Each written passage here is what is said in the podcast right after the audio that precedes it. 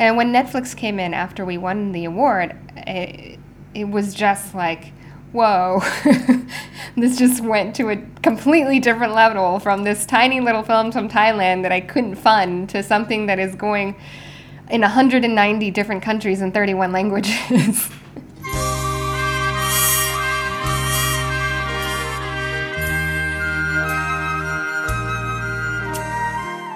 Välkommen till en ny säsong av Asienpodden som den här hösten mestadels kommer att kretsa kring kultur. Hoppas att det är bra med dig som lyssnar. Den här podden har ju haft ett litet uppehåll nu som mycket annat under våren och sommaren. Men just nu under hösten har jag faktiskt hittat lite tid och jag kan göra några sådana här avsnitt till. Och det kommer att handla om allt från film till musik och litteratur med fokus på Asien.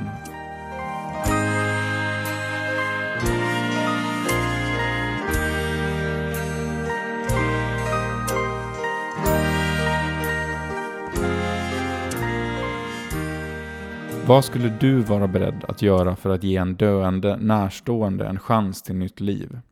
Den frågan aktualiseras i en ny thailändsk dokumentärfilm som precis haft premiär på Netflix. มีไอเดียเกี่ยวกับเรื่องไครโอนิกอยู่แล้ว We're using cold as a way to maintain cellular viability.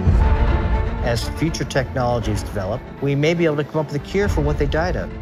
Or this may never work. We're all like, what? แต่ที่สำคัญก็คือว่าผมยอมแพ้ไม่ได้ När tvååriga Ains diagnostiseras med en dödlig hjärncancer så bestämmer hennes familj sig för att göra allt de kan för att försöka rädda henne. Och även om inte botemedlet finns nu så kanske det kommer att finnas en gång i framtiden. Familjen sätter alltså sitt hopp till kryonik, att man fryser ner en människa till nära 200 grader minus i tron om att i framtiden kunna tina upp henne och återuppliva henne. Så länge hon är nedfrusen så finns alltså en chans att hon ska kunna väckas till liv igen. De vill inte släppa taget helt och begrava henne.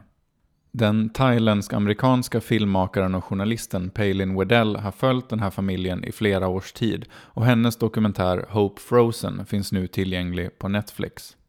Och jag har intervjuat henne och vi ska alldeles strax lyssna på intervjun. Men först ska jag bara säga vad jag tycker om den här filmen. Jag tycker att det här är en otrolig dokumentär. Vi tar ju upp den här i Asienpodden eftersom det är en av de första thailändska dokumentärer som visas på Netflix. Men den liknar inget som jag tidigare sett i filmväg från Thailand och den kretsar också kring mer eller mindre universella ämnen som sorg och förlust, och tro och hopp. Familjen som vi får följa är på en och samma gång en ganska typisk familj för Bangkoks övre medelklass eller överklass, men också inte. De har en optimism och en tro på vetenskapen som är sällsynt i Thailand och i Sverige och ja, på de flesta ställen. Och de är heller inte rädda för att prata om sin sorg och för att möta den sorgen. Jag ringde alltså upp regissören Palin Wedell i Bangkok kort efter att filmen haft premiär på Netflix och pratade om hur hon kom i kontakt med den här familjen, vad hon har lärt sig av dem och hur hon själv som journalist arbetar för att motverka den stereotypa bilden av Sydostasien och Thailand. Och när vi kommer in här så berättar hon om dokumentärfilmsvärlden i Thailand, hur liten den har varit, men att det kanske håller på att förändras. The documentary scene is tiny here. Um, I can probably count on two hands the number of documentary, exclusively documentary film directors there are here.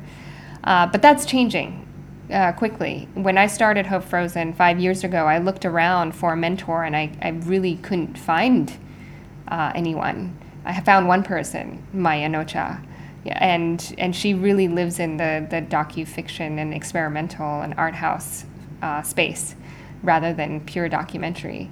So um, it, it's and uh, just recently I was at a workshop and uh, at the workshop there were three or four Thai projects just this year. So so it's it's it's changing and people are starting to pick up on this new form of documentary, but it's still really really small because there's just no funding in this region to support an industry, uh, the documentary industry. Could we go back to the beginning maybe and tell me how did you meet this family and and uh, how did you get them to trust you with their story? Sure. Um, so I have to credit my husband, Patrick Winn, with meeting the family because it was really his idea.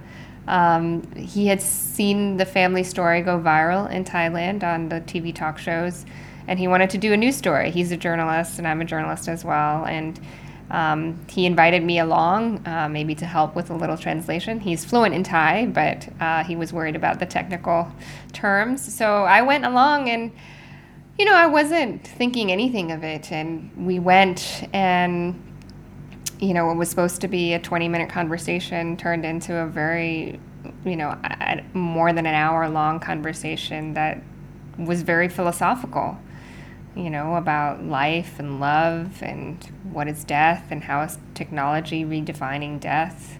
And, um, and I just found them to be pretty profound and, and fascinating at the same time. I had I never met a Thai family who's so scientific and who are, are, like that, you know. So I, I, th- I found them to be pretty special. And as you mentioned, they had been in the news before, and some of the coverage had been also quite critical. Or they, it's, it was quite a big sensation when it when it got out.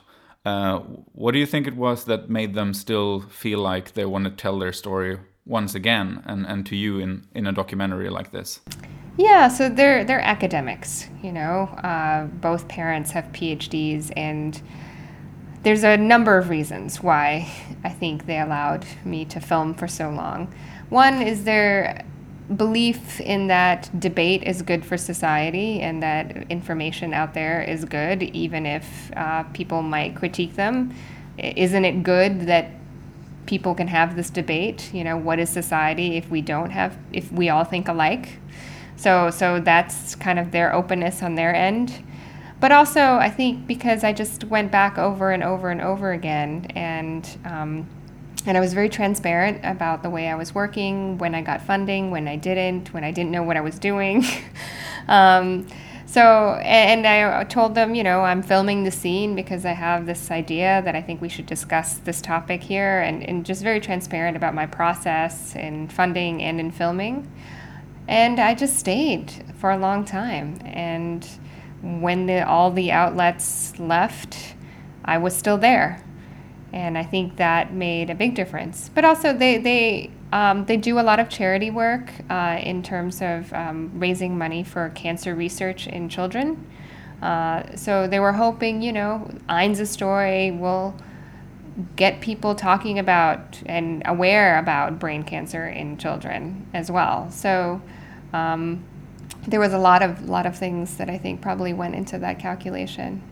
And obviously they are this family finds themselves in a very extreme situation but apart from that would you say are they a, typical middle class family in bangkok or or how would you describe them? Yeah i think they are quite normal. I would say they're middle upper class probably. Um, and uh, they're buddhist uh, they're very family oriented um, you know very very close to each other uh, and in that sense, they're very typical. Um, the thing that sets them apart is this decision to uh, cryonically preserve their child. And also, you know, their huge faith in science and their scientific thinking. I think that's also uh, atypical of any family around the world. Yeah, for sure. About the headlines they made in Thailand and also even internationally, why do you think that made so much, uh, caused so much discussion and debate? In Thailand, I think very few people know what cryonics even is. You know, they probably have never heard of it before. Um, and I think that's part of why it, it made headlines is because it's something new that no one's heard and people are wondering how possible it is and how far are we to achieving that. Uh, but they also, you know, there are issues of um, religion that come into play, uh, what you believe in in terms of life after death or reincarnation, or in Buddhism, letting go. Um, so there were a lot of questions that I think people had for this family when this news came out. And I think those are the questions that um, that a lot of people focused on uh, when their story became public. What struck me also was how they were so open in talking about their grief. They it was like they did not fear the sorrow, but rather wanted to share it. What are your thoughts on that, or how would you describe their way of dealing with sorrow? Yeah, I think that's the that's a really good point. I think um, that's the other thing that's really special about them is how how like ready they are to be completely honest and bare with their emotions and just how you know they're it's so delicate you know um, when you watch and especially when you're interviewing them uh, i feel like it's always a delicate situation how hard do i push how what questions can i ask today but there was never a time when they told me to stop uh, asking certain questions or walked out or felt like it was too much they just just sat there and answered every question I had. And in that sense, you know, I'm very grateful to them. But, but yes, it is, I think, one of the things that I've learned through doing um, other work as well and interviewing people in grief. And uh, as a journalist, you're often witnessing people in their worst and best moments.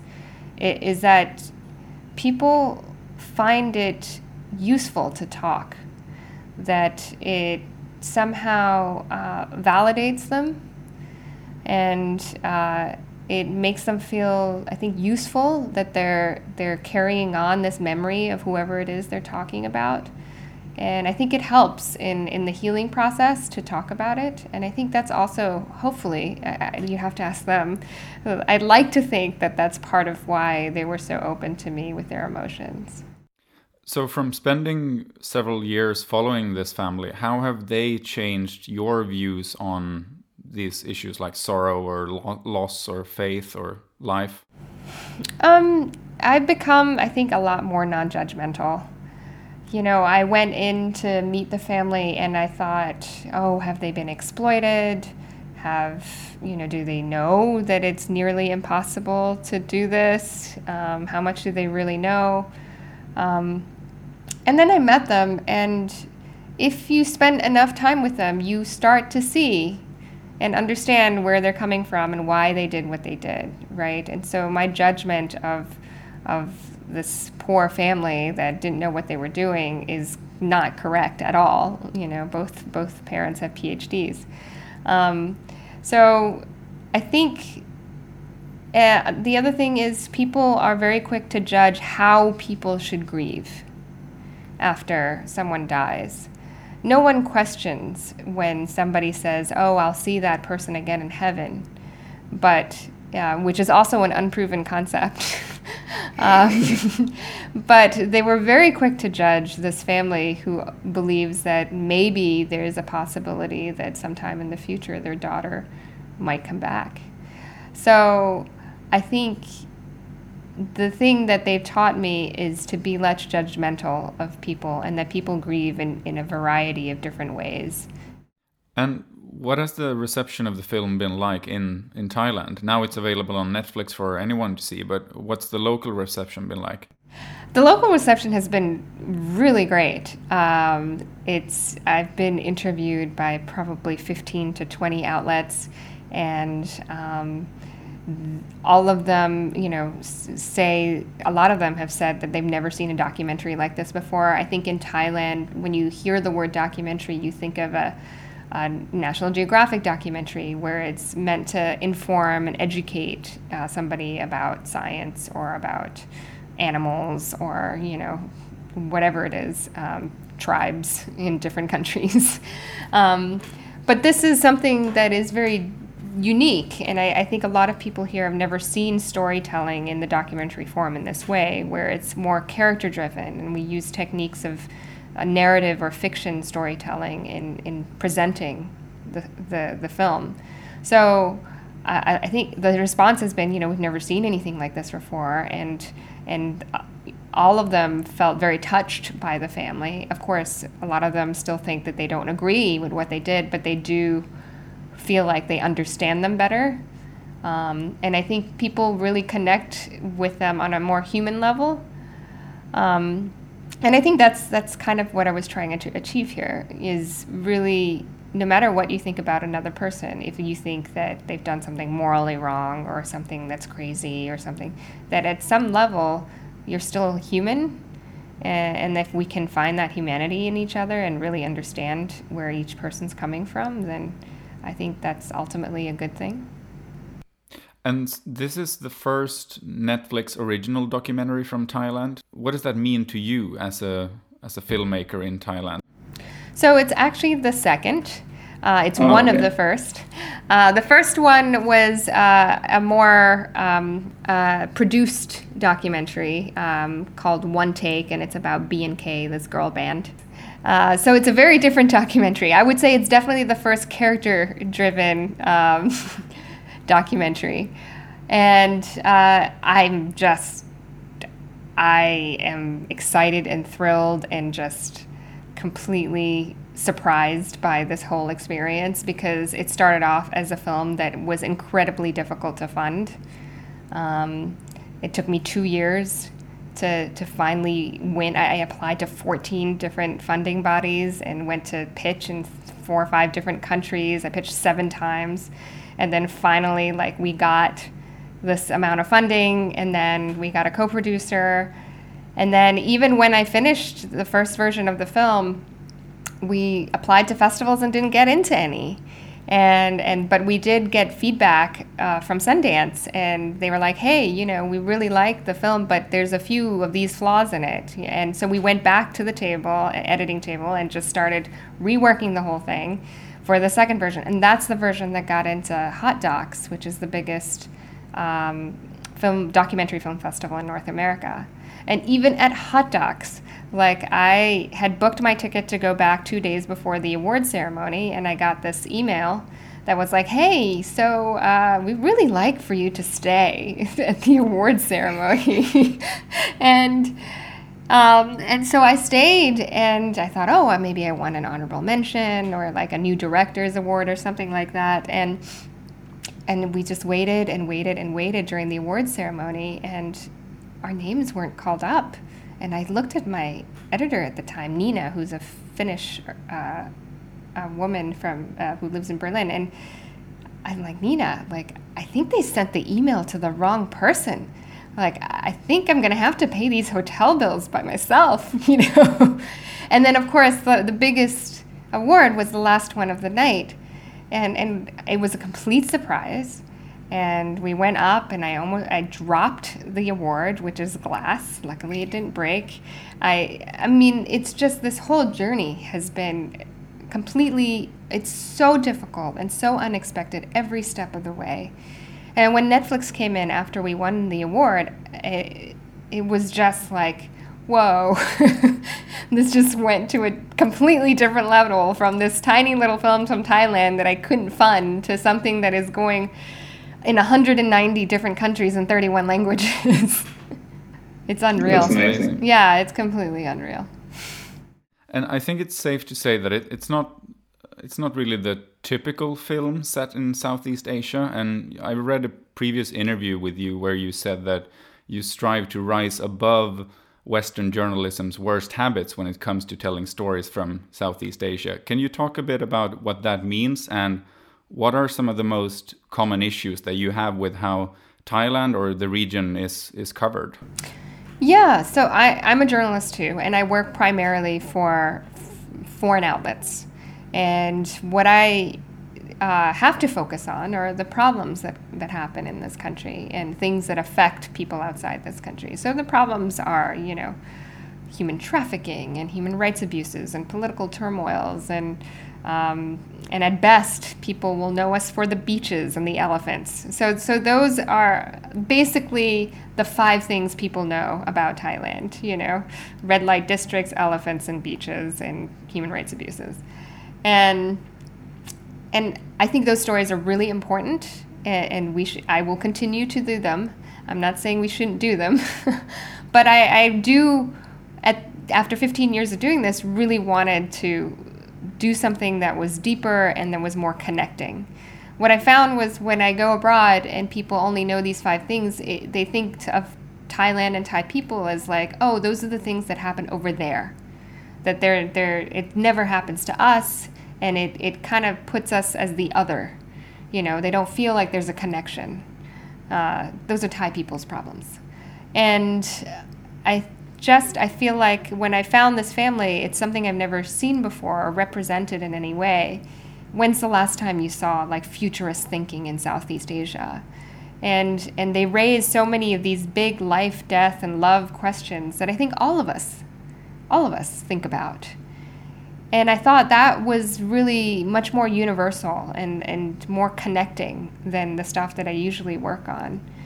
Um, so I think, you know, it's just a matter of putting out more diversity in the types of people that are in um, films and, and news stories and the things we share with each other through media. Um, and I think that's that's what I wanted to do. Do you already know what your next big project is going to be like, or are you, are you taking a break? Uh, you know, the stories find me. Mm-hmm. it's really hard to go out there and be like, I want to do this story. Ha- you have to just meet somebody or see something really special that something you can be obsessed about for five years, and that's really rare. But uh, I am. I have a few ideas. I'm working on them, and I'm hoping they pan out, and we'll see. Great. Well, best of luck to you with them. Thank you. Thank you so much, Axel.